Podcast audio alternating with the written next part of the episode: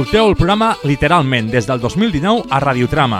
Fem ràdio amb l'esperit de conèixer el món, ara amb Jordi Sevillano.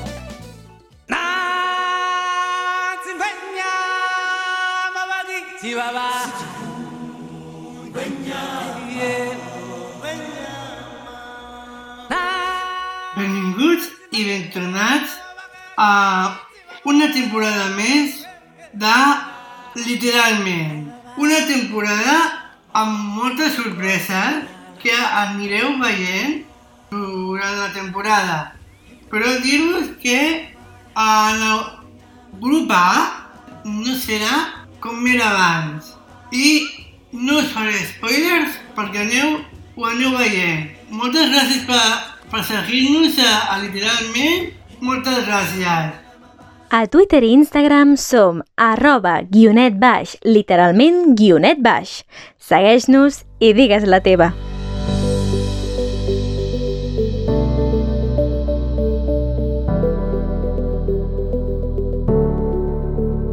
Prepareu-vos per descobrir el cantó fosc de la literatura. L'Albert Tió ens porta a la seva secció El mal camí.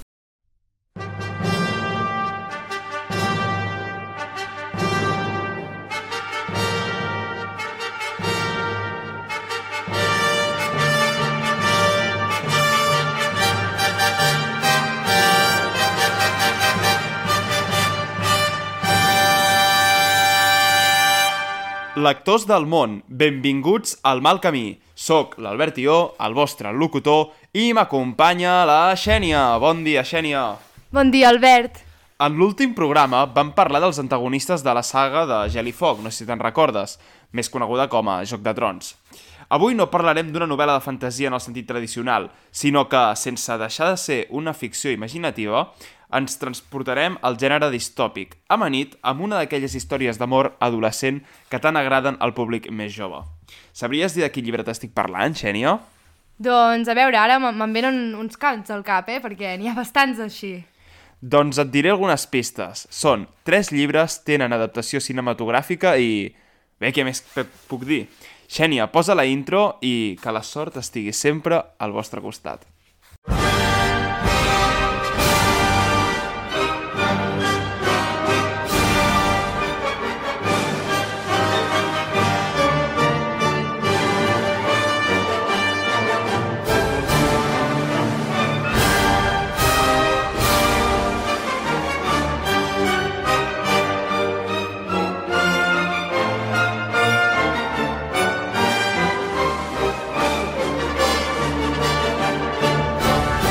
Ja he dit moltíssimes vegades que estic enamorat d'aquesta intro, però he de dir que les pel·lícules dels llibres dels quals parlarem avui, l'himne de Panem no es queda gens enrere.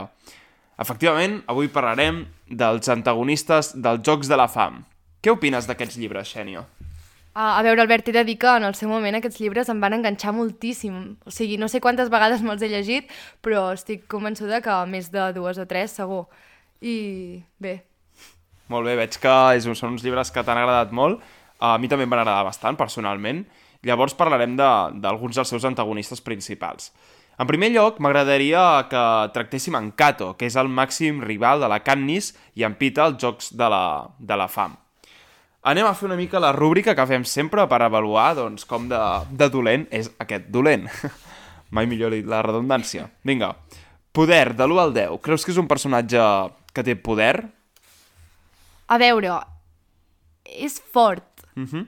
però no sé si diria que té molt de poder, perquè al cap i a la fi està tancat en una arena, llavors... Mhm. Sí, sobre la Katniss té poder, però no té molt de poder, saps? És a dir, és veritat que està tancat sobre la- a l'are- a l'arena, però és una cosa que ell s'ha entrenat tota la vida. És a dir, ell es presenta voluntari i jo crec que segurament era dels Jocs de la Fam dels participants era el que més en- entrenat està. Jo crec que li posaria una puntuació alta en aquest àmbit. Un 8, potser? Un 8. De carisma, de l'1 al 10. Mm, gens. Gens, no? No és un personatge sí, no, que... No, Vale, potser li posaríem un 2 o un 3. sí, sí, un 3, un 3. Un 3? Perfecte. Intel·ligència, de l'1 al 10. Clar, jo no, no en sé tant d'en Cato com per poder-hi si és molt intel·ligent o no. Segurament jo crec és, que burro és, no és. és dels personatges, jo crec que estem fent que tenim menys que coneixem menys, no?, de, potser de tots els antagonistes que hem fet a la història. Però Clar, intel·ligència, clar, sí, sí. jo crec que estableix una estratègia d'aliats, no? però tot i això no pren decisions. Veure, jo posaré una nota justeta de 5 a 6, Sí, un 5. un 5. I simpatia, de l'1 al 10, Mm, no. molt baixa, no? Sí, baixa. Molt... Un u? mm, Sí. Un 1. Molt bé. Hem vist que en Kato um, destaca pe, pel seu poder i, en certa manera, per la seva intel·ligència, però és un, un antagonista que no ens acaba de convèncer ni pel seu carisma ni per la simpatia que, que desperta. És cert que en Kato és el rival de la Katniss, però a mesura que avança la història ens adonem de qui és el veritable enemic. Aquest no seria cap altre que el president Coriolanus Snow, el dictador de Panem. Com el valorem, Xènia? Va, de poder de l'1 al 10? Home, òbviament té molt poder. Un 9... Un 9 de poder, Un- és un personatge sí. molt poderós, sí. Carisma de l'1 al 10? Vulguis o no, jo crec que sí que és un personatge bastant carismàtic, eh? El president Snow, vull dir... Estic d'acord amb aquest anàlisi. Un, un 8. Un 8, O- sí, sí, un 8 o inclús un 9, eh? Doncs un 9, va. Posem un 9. Intel·ligència l'1 al 10. De- Definitivament és molt intel·ligent. És molt intel·ligent. També li hem de posar molt, sí, bona, sí, sí. molt bona nota. Posem-li un 9, també. Un 9, també, va. I simpatia de l'1 al 10? Clar, és que si ens basem com només en els tres primers llibres, és a dir, en els Jocs de la Fam en si, jo crec que és un personatge que mm, simpatia no desperta. Mm. Parlem dels Jocs de la Fam. Però, Però clar, si, afegir- si, si pensem en, en, en... Com es diu? En la, la... Balada d'ocells i Ah, serps. clar, la, la, aquest llibre, jo crec que és un personatge que sí que, que t'agafa més simpatia. Si parlem només dels Jocs de la Fam, poca simpatia. Hem d'aclarir que la balada d'ocells i serps és, una, és un llibre que ens orienta uns 50 anys abans dels Jocs de la Fam i on precisament el protagonista és aquest antagonista dels Jocs de la Fam, que és el, el president Snow de jove. Um, segurament en aquest, uh, en aquest uh, àmbit podem agafar-li més simpatia perquè és el protagonista, però quan és l'antagonista crec que com a simpatia no li podem concedir gaire. Clar, sí, mm, un 3. Un 3, em sembla bona nota. Veiem, doncs, que el dictador Snow supera Kato com el millor malvat de la saga de Els Jocs de la Fam i el, veiem també com el dictador Snow s'uneix a Lord Tywin Lannister i en Gollum com el malvat finalista del Mal Camí. Recordem que el malvat amb la puntuació més alta de cada gru- programa participarà en una gran final que farem a la cluenda de la temporada per decidir quin és el, mal, el malvat o malvada més gran de tots els temps. I Panem et Circenses, fins aquí el programa d'avui. Cuideu-vos i llegiu molt, que és molt sa. I si ens veieu pel camí, saludeu-vos. A A reveure!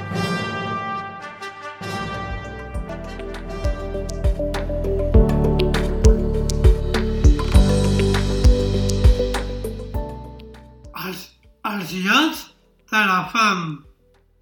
Són molts jocs que hi ha moltes flames i es, i es creixen. Gràcies, Albert i Senya. Un arbre al costat d'una font, l'elefant té una trompa d'aigua, com si plogués a bots i barrals.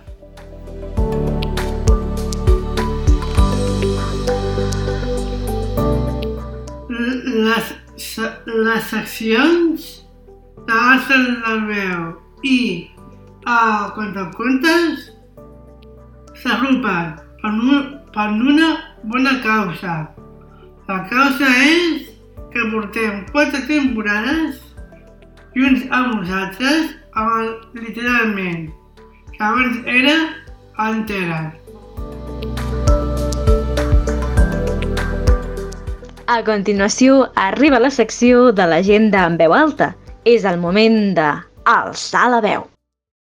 Tomàs, el buscador d'or, de Natzaret Sindreu. Conte publicat a la revista El Tatano número 205 de gener de 2023. Il·lustració Pedro Rodríguez. Enregistrament en veu alta.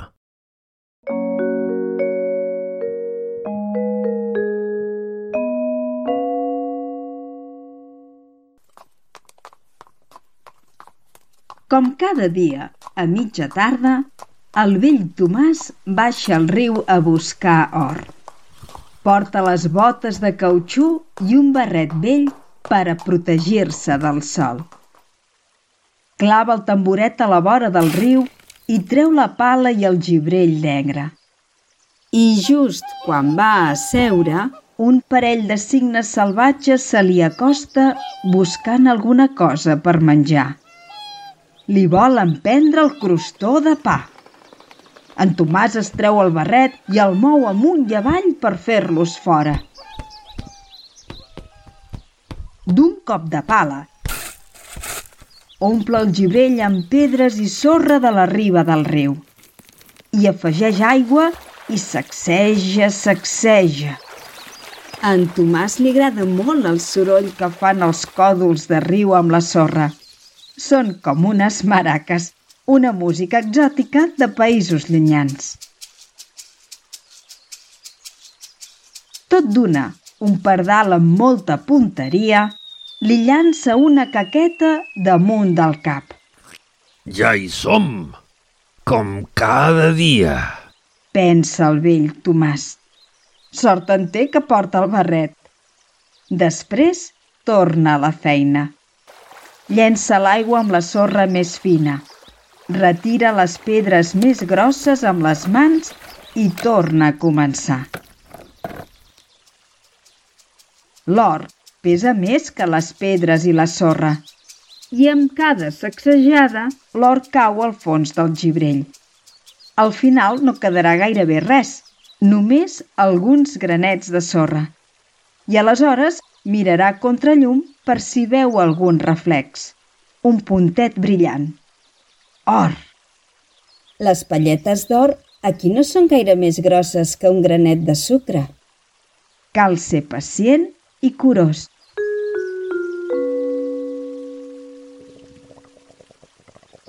Al cap d'una estona, la panxa se li queixa. Té gana. Amb quatre branquillons fa un foc i rosteix una botifarra. Però no té temps ni de tastar-la. Una àliga baixa a tota velocitat i se l'endú entre les urpes. De pa tampoc no li'n queda ni una engruna. Els signes se l'han cruspit. Quina gana! Doncs ja n'hi ha prou per avui. Més val que plegui. El vell Tomàs recull les coses.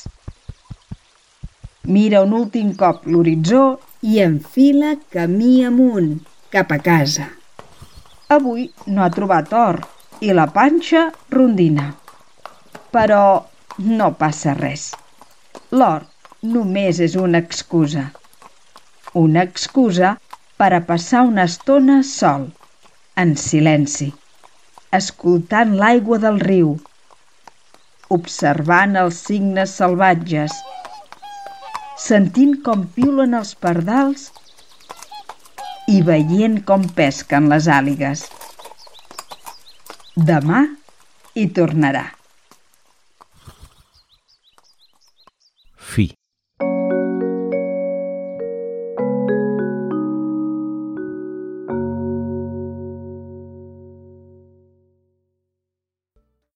Vull escriure un conte de Mercè Arànega. Narradora Maribel Gutiérrez. Toni Eric Padilla. Marta Marta Cancelo. Júlia Bruna Pastor. De En veu alta, enveualta.cat. La Marta té sis anys i també molts llapis, moltes llibretes, moltes joguines i moltes ganes d'escriure un conte. Un dia va començar a escriure un conte.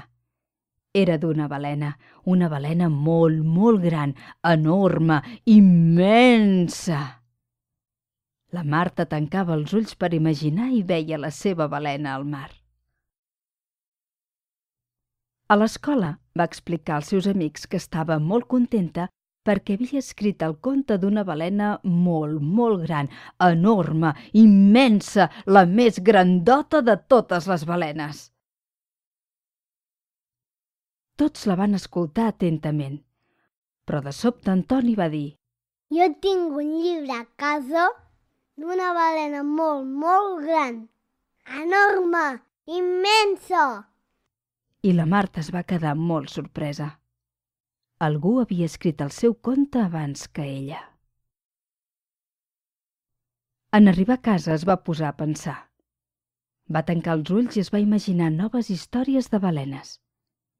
Tenia moltes ganes d'escriure, però no li agradava que els seus amics creguessin que ella copiava els seus contes. La Marta va pensar. Si hi ha un conte d'una balena molt, molt gran, jo escriuré el conte de la balena més petita. Serà molt, molt petita, com un virus. És que els virus eren els animalons més petits que la Marta coneixia. Li ho havia explicat al metge quan va tenir la grip. L'endemà la Marta va arribar a l'escola amb el seu conte nou. Volia llegir-lo de seguida, però abans, mirant Antoni, va dir I no és d'una balena molt, molt gran. És el conte de la balena més petita. Els seus companys van començar a xiu-xiuejar entre ells. Per fi la Julieta, molt burleta, va dir a la Marta que ella ja n'havia llegit un d'aquests a la biblioteca. Era d'una balena que s'anava fent petiteta. Vaja, ja està escrit. Demà te l'ensenyaré. Acabà la Julieta molt burleta. La Marta es va quedar pensarosa. Estava força preocupada. Ella volia escriure un conte. Volia que la protagonista fos una balena i volia sorprendre els seus amics, però sempre estava tot inventat. A la Marta li agradaven molt les balenes. I si anava a l'aquari a buscar idees? No, no, a l'aquari no hi havia balenes. A casa tenia un llibre de la vida al mar. Hi havia moltes fotografies de peixos i també de balenes. El va començar a mirar i a llegir molt a poc a poc. Així va descobrir moltes coses sobre les balenes. Va descobrir com viuen, com es comuniquen, quin és l'aliment que més els agrada, com cuiden els seus bebès, que s'anomenen balenons, i que són molt viatgeres. Però el més important és que va descobrir que hi ha pescadors que les maten i que en queden molt poques. Per això s'han de protegir les balenes de tot el món. Aquest dia la Marta va explicar als seus amics que les balenes corrien perill. Ho havia llegit en un llibre. Així que ella escriuria un conte perquè tots coneguessin el problema de les balenes. Tots l'escoltaven atentament i Antoni va dir El pare em va explicar que hi ha molt pocs ossos panda. Aleshores la Julieta va dir Doncs jo he vist un documental sobre elefants.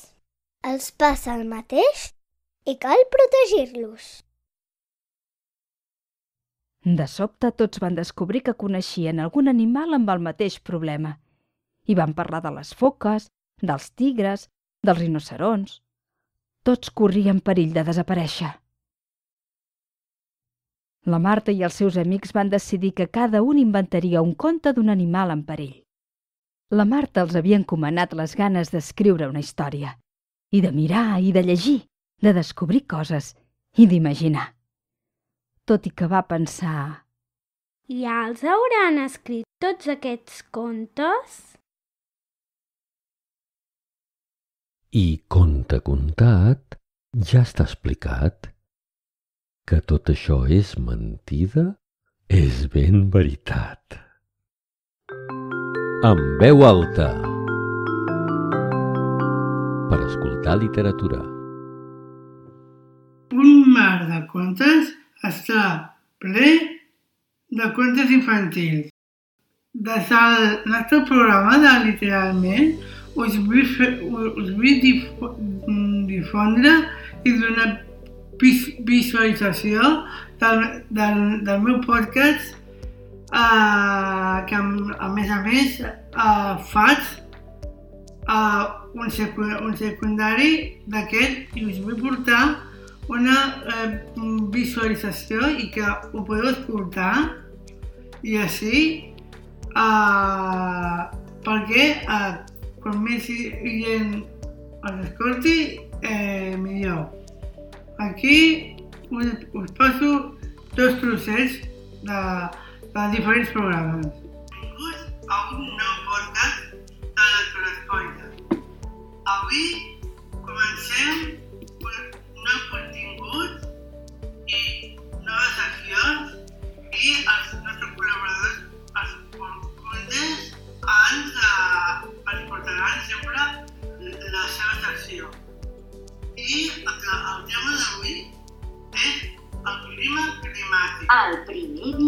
put it in.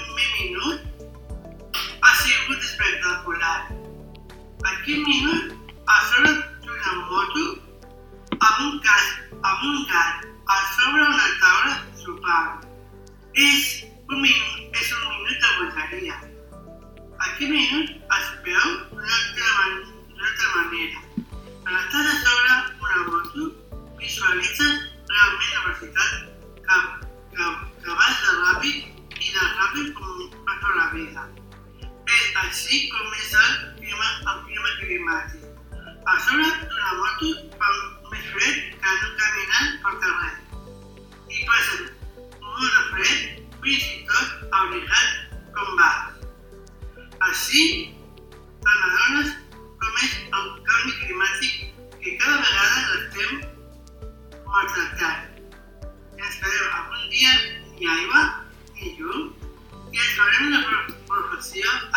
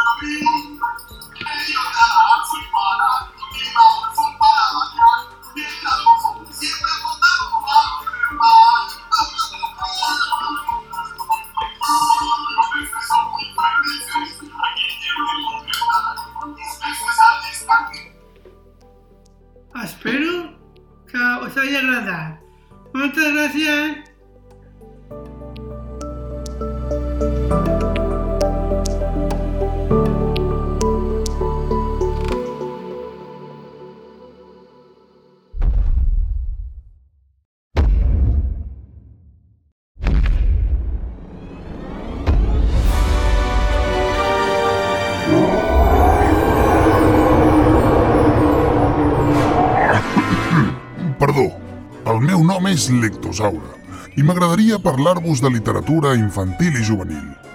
Benvinguts a les ressenyes d'en Lectosaure! Avui us vull parlar d'un petit llibret amb un protagonista ben simpàtic. Es titula Un llop de conte, escrit per la Susana Peix i dibuixat per la Mercè Canals explica la història d'un llobató, el més petit de la ventrada, que no és ben bé com els seus germans. Mentre els seus germans surten a explorar el bosc i aprendre a caçar, ell s'estima més quedar-se al cau i escoltar les històries que li explica la mare.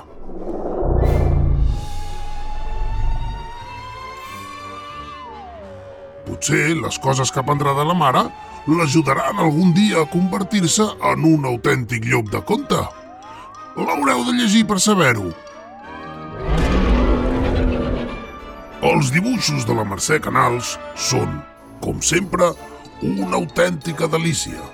Senzills, vistosos, molt expressius. Quina tendresa desperta el petit llobató. Aquest conte està publicat per l'editorial gallega Cumio dins una col·lecció que es diu Llegim més 6 i que està pensada per facilitar la lectura per plaer.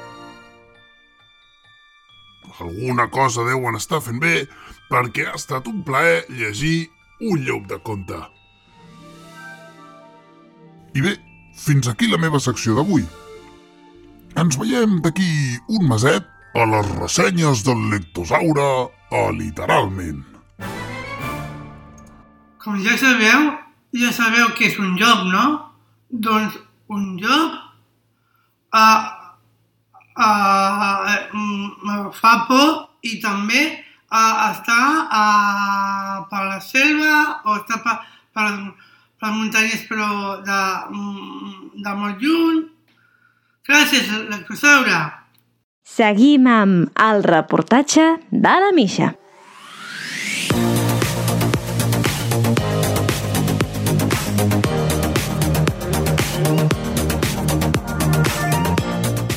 Hola, hola, aquí la Misha amb un nou reportatge. Ja tenim aquí els guanyadors dels 30 primers Premis EDB de Literatura Infantil i Juvenil. D'entre els 289 manuscrits rebuts, els jurats han declarat guanyadores Sigues Tortuga, d'Agustín Sánchez i Territori desconegut de Luis Leante. Doncs bé, Sigues Tortuga és una novel·la amb regust de faula protagonitzada per un gall, l'Abalard, una antiga estrella de l'òpera que ja no pot cantar i viu amargat. L'única feina que aconsegueix és convertir-se en el professor de cant d'unes tortugues ancianes que, dir que desafinen seria quedar-se curt. N'ha valorat el jurat. Això és el que em va dir un dels seus membres, l'escriptor i periodista Vicenç Villatoro.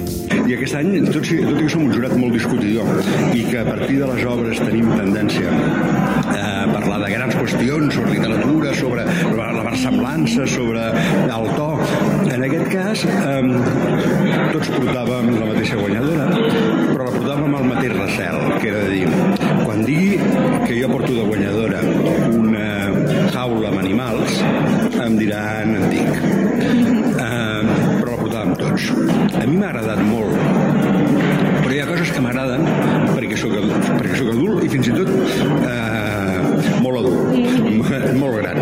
Coses sobre fer-se gran, sobre l'envelliment, sobre el fracàs, que dius, no sé si seran les que els meus nets els agradaran d'aquesta obra, però m'agraden a mi, i el jurat sóc jo. Però sé segur que els meus nets els agradaran d'aquesta obra altres coses. Per tant, és una obra molt madura, molt rodona, tendra.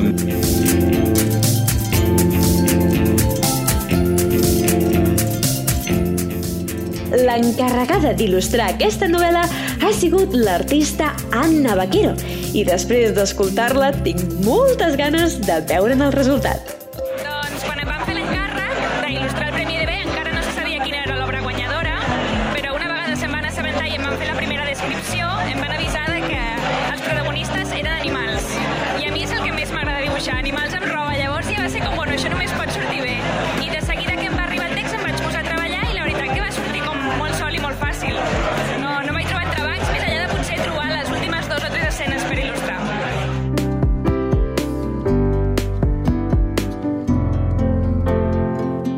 Sí, escoltem Agustín Sánchez parlar sobre la importància de ser tortuga. Bueno, la obra Ser Tortuga es una fábula, una fábula de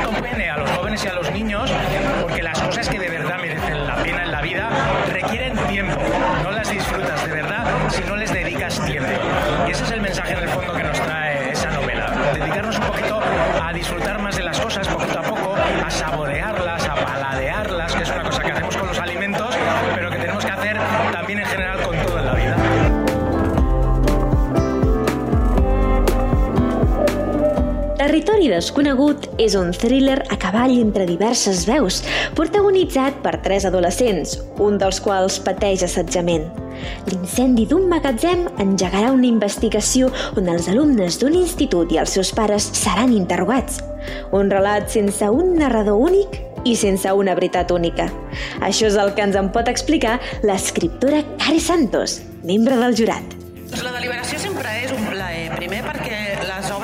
finalistes sempre tenen una qualitat alta i és un enorme gust doncs, llegir obres que valguin la pena i que el debat sigui quina és millor que l'altra. No descartar les dolentes, sinó quina és més bona. No? Això d'entrada ja és un, un plaer una gran sort com a membre del jurat. I en aquest cas, bé, doncs hi havia, com sempre, cinc bones obres, hi havia un parell potser que destacaven més que les de més, i aquí va obrir-se el debat. I som, som bastant discutidors, eh, els del Premi EDB, després ens ho expliquem i, i moltes vegades les anècdotes és aquest any que ha discutit més, no? si l'infantil o el juvenil.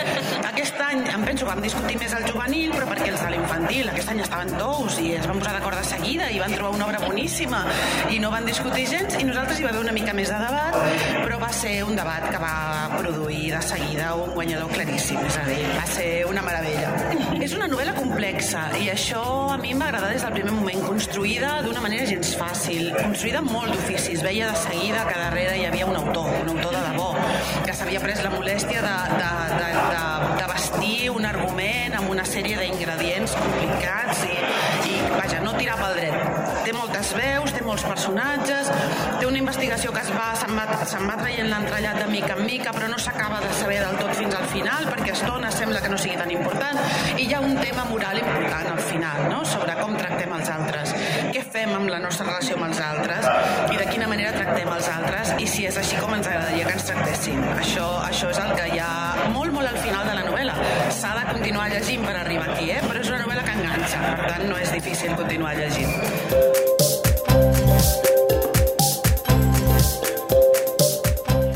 I què és el que més li ha agradat de la novel·la a un altre membre del jurat?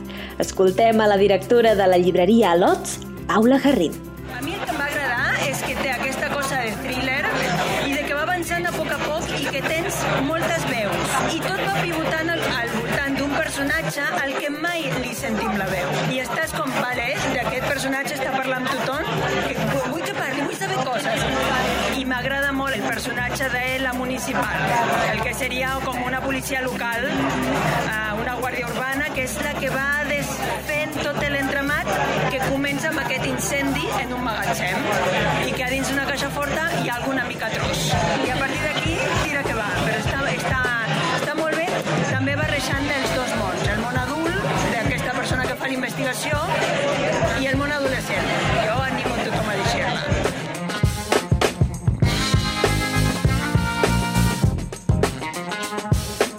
Però ben bé què significa aquest territori desconegut?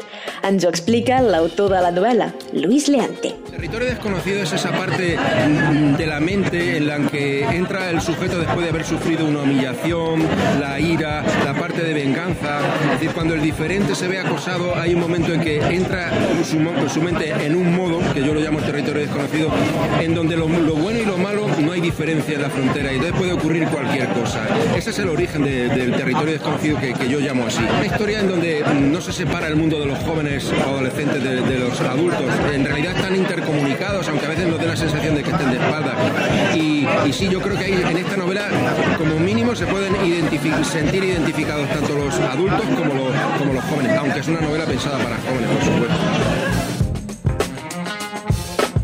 Quines ganes de llegir les dues obres al març! Mentrestant, haurem de ser tortuga i prendre'ns l'espera amb calma. Fins a la propera. Adeu!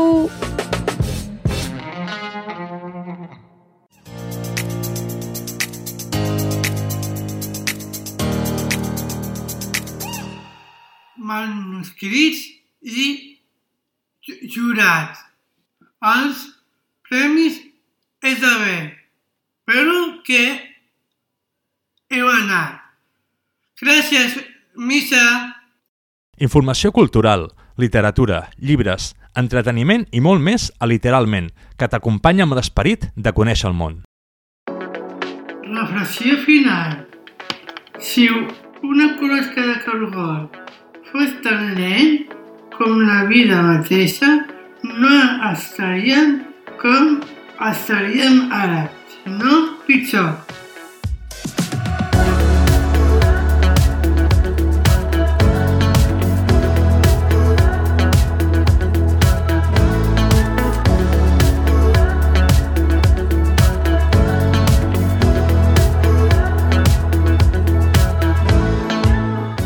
Gràcies a, a, als nostres col·la- col·laboradors eh, d'aquesta se- d'aquesta setmana. Espero que us agradi eh, el contingut que, que porten. Eh, fins a la pròxima. Gràcies.